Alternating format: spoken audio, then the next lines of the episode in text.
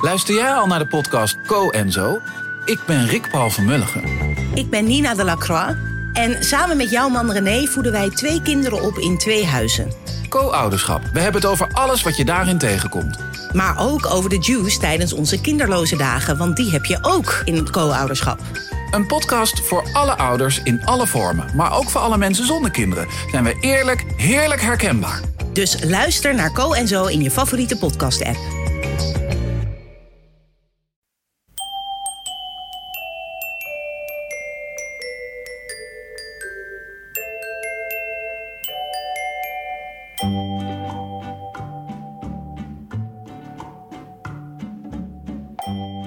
Welkom bij aflevering 31 van de Echt Gebeurd podcast, waar echt gebeurde verhalen worden verteld door de mensen die het zelf hebben meegemaakt. In deze aflevering een verhaal van Tim Kamps. Het thema van de middag was Onderweg.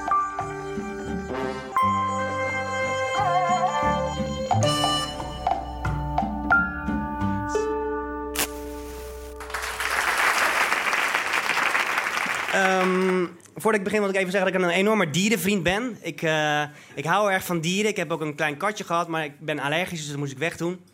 Ik, ben ook, eh, ik kijk op YouTube kijk ik heel vaak naar dierenfilmpjes. Bijvoorbeeld er was een filmpje van een, een hondje wat op zijn rug aan het eh, rollen was... en die kon niet op zijn pootjes terechtkomen. En dan kijk ik dan heel vaak en dat vind ik dan heel erg... dat vind ik dan heel erg. En dan, maar gelukkig was er ook een vervolgfilmpje waarin hij dus wel terecht kon op zijn pootjes. En daar was ik heel blij mee, want dan wist ik tenminste dat het goed was gekomen met dat hondje. Eh, ik kijk ook heel vaak naar uh, Caesar Milan, de Dog Whisperer. Ik weet niet of mensen dat kennen. Ik heb ook zelfs, dat heb ik speciaal voor vandaag aangedaan. Ik heb een t-shirt besteld uit Amerika. Maar het staat, ja, het staat heel klein gewoon op. Dus eigenlijk een heel suf t-shirt. Dus, maar goed, het was ook ontzettend duur. Dus dat is eigenlijk heel, eigenlijk triest. Maar goed, ik ben dus heel erg enorme dierenfan. dat wil ik even zeggen voordat het verhaal begint. Dat jullie dat echt weten. Oké. eh ik zat ooit in een bandje, dat heette Hond. Dus dat klopt weer met mijn dierenverhaal, zal ik maar zeggen. Eh, met drie andere jongens. Eén gitarist, die, die heette Goemel. Een beetje een raar naam, maar zijn opa heette ook zo.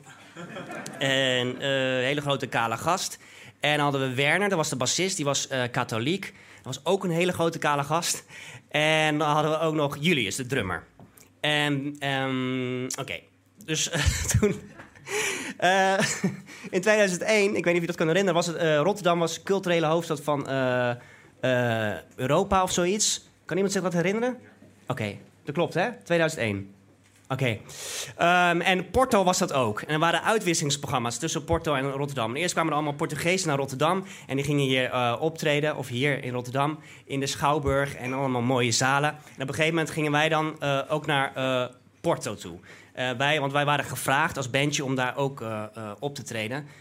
En um, dat was natuurlijk heel tof. We dachten van, jezus, dit is onze internationale doorbraak. Maar hoe tof het hier was voor die Portugezen. ze mochten in Schouwburg en in hotels en zo. Dat was allemaal heel goed geregeld. Maar daar ja, was eigenlijk gewoon één gebouw en dat was een soort junkenpand. Met wat junks op een bank. En, en één ruimte waar je dan moest optreden. En er was ook geen hond. Er keek ook niemand naar. Dus het was heel, heel triest. Um, Oké, nu gaat het alweer. Um, we hadden dus dat optreden gedaan en uh, er was ook niemand komen kijken van de organisatie. Dus dat was heel triest. Er stond één Portug wilde Portugees stond te dansen. Dus het was allemaal best wel treurig gegaan. En uh, de volgende dag waren we best wel depressief. En toen liepen we een beetje door Porto, wat ook niet echt een mooie stad is eigenlijk. En liepen we door de sloppenwijken. En mm, dat is best wel, ja... Uh, viezig. Er was een soort, onder een hele hoge brug, was een soort sloppenwijk. En we liepen zo naar beneden. Nou, daar zag je heel veel armoede. En, oké, prima. En toen, uh, ja, uh, kan ik me toch niet echt in, inleven dan. En toen uh, was er een soort een rotswand, ik maar zeggen, van die brug. Met een soort gaas eroverheen. Omdat die stenen anders zouden vallen, zal ik maar zeggen. Want het was vrij hoog. En we liepen zo naar beneden. Ik dan met Werner en Goemel en Julius. En um, op een gegeven moment hoorden we zo. Uh, mm, mm, mm. En uh, we keken waar komt het geluid vandaan? En uh, we keken naar die rotswand. En op die rotswand zagen we ineens lag een heel klein poesje. Ik denk zo groot. In dat, in dat, dra in dat gaas vers verstringeld met zijn nekje. Dus wij bleven zo staan. En Jezus, wat, wat heftig, wat, wat zielig. En eh, ik dacht, jezus, wat zit dit? Zit ook, had ook bloed op zijn neusje. En eh, zijn mondje was dicht van de korsten. Het was heel warm. Het was echt, denk ik, 40 graden of zoiets. Dus ehm, het was heel zielig. En we dachten, we moeten dat beestje moeten we helpen. Dus, eh, dus we eerst haalde ik hem uit dat gaas. eh, Want hij zat heel erg in verstrengeld met zijn nekje. En eh, hij was heel erg aan het piepen. En toen dachten we, oké, we moeten hem wat te drinken geven, want het is super warm. Dus toen deden we wat water in een dopje van, van een spa-flesje. En ehm, niet, geen spa-flesje, want dat hebben ze daar volgens mij niet. Het zou Vitel geweest zijn of zo. Whatever. En ehm, we probeerden dat katje te, te, te voeren met dat water. Maar dat katje, dat, dat kon niet, want het was helemaal dicht. Het was helemaal eh, met een wondje. Dus hij, hij, ging, hij verstikte er heel erg in. Dus we dachten, jezus, wat verschrikkelijk. Eh, ehm, en ik wilde godverdomme roepen, maar dat mocht niet van die eh, katholieke bassist van ons. Dat was, we mochten niet vloeken. Dus ik dacht, ja, oké. En toen riep iemand, en volgens mij was ik het, maar ik weet niet zeker meer. we moeten dat ding uit de lijden verlossen. Ik dacht, jezus, oké. Oké, we moeten dat beestje eh, uit lijden verlossen. Ja, dit is het beste, dat is het humaanste om te doen. Dus, eh, of het humanitairste om te doen. Maakt niet uit. Dus hoe gaan we dat doen? Ehm, er was niks in de buurt, dus we konden dat diertje ook niet naar een ambulance brengen of zo'n dierenambulance. Dus, en liepen ook een Portugezen langs en die, ja, die liepen dan langs en die, die, die, die waren dan aan het lachen. Dat we daar zo lang stonden met dat beestje. Dus dat, niemand interesseerde zich daarvoor. Dus ehm, oké, dacht ik, oké, hoe gaan we dat doen? Ik dacht, oké, we leggen hem neer en we slaan hem met een steen op. Maar dat, ja. maar dat hebben we niet gedaan. Ik dacht ook, dat is heel heftig. Dan moet ik, ik heb wel gezocht naar een steen, maar er waren ook alleen maar kleine stenen. Dus dan zou je met een soort hele kleine steen... Ja, dan kan je net zo goed met je hand slaan, dus het sloeg nergens op. Toen dacht ik, oké, dan leg ik hem neer op de grond... en dan, dan doe ik mijn ogen dicht en dan spring ik erop. Of zo. Dan, dat voel je dan misschien niet en dat is dan ook snel voorbij. Maar dat vond ik ook te heftig om te doen. En toen eh, zagen we aan de overkant van de weg, onder die brug, want dat is natuurlijk een brug, eh, eh, een, een, een hekje of een, muurtje. En daar was een rivier achter. En toen dachten we, oké, dat, is, dat is goed, want ja, verdrinkingsdood is de, meest, mooiste, is de mooiste dood die er schijnt te zijn. Want je krijgt allemaal visioenen en zo. Hoe hadden wij dan ergens gelezen? Dus, dus dachten we, oké, dat is wat we gaan doen. We gaan dat katje in die rivier eh, doen. En dan eh, heeft hij een mooie dood en dan zijn wij ook weer goed bezig geweest. Dus, eh, oké. En ik zei ook tegen Werner, die katholiek, zo van, eh, ehm, wat vind je ervan? En hij zei, ja, ik vind het goed. Waardoor ik eigenlijk ook voelde alsof, alsof we een soort zegen hadden gekregen van God, ik maar zeggen. Dat was, dat was mijn gevoel erg erbij. Dat, dat, hij, ja, dat hij eigenlijk via Werner ons eh, het jaarwoord gaf van go for it. Maak dat ding maar dood, want het is, ja, ik, ik ga het ook niet meer redden. Dus, oké. Oké, we gaan het doen, dachten we. Oké, we gaan het doen. En toen, eh, ik zei, ik ga het niet doen. ik, ik dacht, ja, dan moet ik met een beestje, moet je dus eerst die weg overlopen. Want het was een vrij brede weg, met veel verkeer. Ehm, en Portugees die rijden gewoon door. Dus je moet echt, eh, je moet dan wel manoeuvreren tussen die auto's door. Dus dat is vrij ingewikkeld. Vervolgens moet je nog een stoepje oversteken. Dan is er een hekje of een, muurtje. En wat, wat was het nou? De rivier was best wel ver weg. Dus er was, denk ik, nog van mij tot en met eh, die muur daar, eh, waar, waar jullie zitten, om te zeggen, was, dat was droog. En dat, hek, dat, dat muurtje was vrij hoog, dus je kon niet over dat muurtje heen klimmen, dat- dat, deel afleggen en dan dat beestje heel erg leuk in dat water leggen. Dus je moest het gooien. We moesten het gooien. Eh, ik zei, ja, ik, ik kan het niet. Ik, eh, ik kan niet zo goed gooien. Eh, wie kan er goed gooien? Dat bleek uiteindelijk Julius te zijn. Die had op handbal gezeten vroeger. En eh, die, die dook zelfs op steen. Hij was keeper, maar dat heeft niet zoveel mee te maken. Want ja, dat, is een beetje afzijds. Maar goed, hij dook op steen. Eh, en hij kon dus heel goed gooien. Oké, dus Julius, jij gaat het doen. Oké, ik ga het doen, ik ga het doen. Ik ga het doen. En het stond, het was verschrikkelijk. Natuurlijk, het was een verschrikkelijk moment. Want we wisten dat, diertje, ja, dat gaan we doodmaken. Dat is best wel, dat is heftig.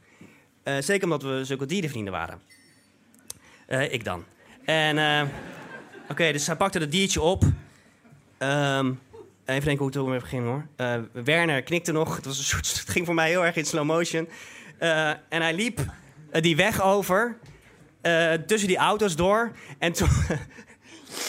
toen, toen hij het diertje gegooid. Maar dit is de meest bizarre worp die ik ooit heb gezien. Ik ga hem nu voordoen. Het was, het was verschrikkelijk om te zien. Ik ga hem nu voordoen. Er zit geen geluid bij, maar stel je voor dat dat er dan bij zit. Hij deed dit.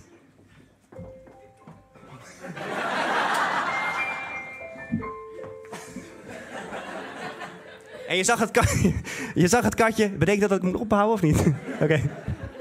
Je zag het katje door de lucht vliegen met zijn armpjes. Het was verschrikkelijk. Het leek alsof hij ineens tot leven kwam. En hij kwam in het water terecht en eh, we keken ernaar. We dachten, oké, het is gebeurd. De klap, bam, weg, dood. Maar wat, wat was het ergste? Het katje was nog heel erg blijkbaar in leven. Want het begon ineens heel erg overdreven voor zijn leven te vechten. Dus het was... En toen ja, ging het zo weg met de stroming. Het was verschrikkelijk om te zien. Ehm, het meest erge was is dat we daarna... eh, we zaten daar op dat, op dat muurtje en toen zagen we een kat voorbij komen. Ehm, en die leek heel erg op het ene katje. Dus, en er was een grotere versie. Dus we dachten, oké, dat is die moeder die dan op zoek is naar haar katje. En ze, ze riep ook, "Ah, ah," alsof ze op zoek was. Dus eh, dat was verschrikkelijk. Ehm, toen zijn we teruggegaan naar eh, de Junkerpand, waar we moesten slapen. En die Portugees die lachte ons allemaal uit. Die dacht van, ja, wat, wat, zijn nou, waar zijn je nou mee bezig? En ehm, die avond was er ook een feest. En onze katholieke bassist, die ging ineens een soort dance battle doen met een Portugese eh, vrouw. En eh telefoonnummers uitwisselen, terwijl hij gewoon een vrouw had thuis. Dus toen dachten we ook, hoe katholiek is hij eigenlijk? Dus, ehm, maar goed, ehm, ik, als ik er nu op terugkijk, eh, hadden we het niet anders kunnen doen. Dus het was wel het beste wat we hadden kunnen doen. Dus ik heb er wel vrede mee. Maar die band is wel daarna uit elkaar gevallen. Omdat we het gevoel hadden van ja, we willen niet herinnerd worden aan, de- aan dat verschrikkelijke verhaal. Maar, eh, maar ik ben wel een dierenvriend. Dus dankjewel. Dankjewel.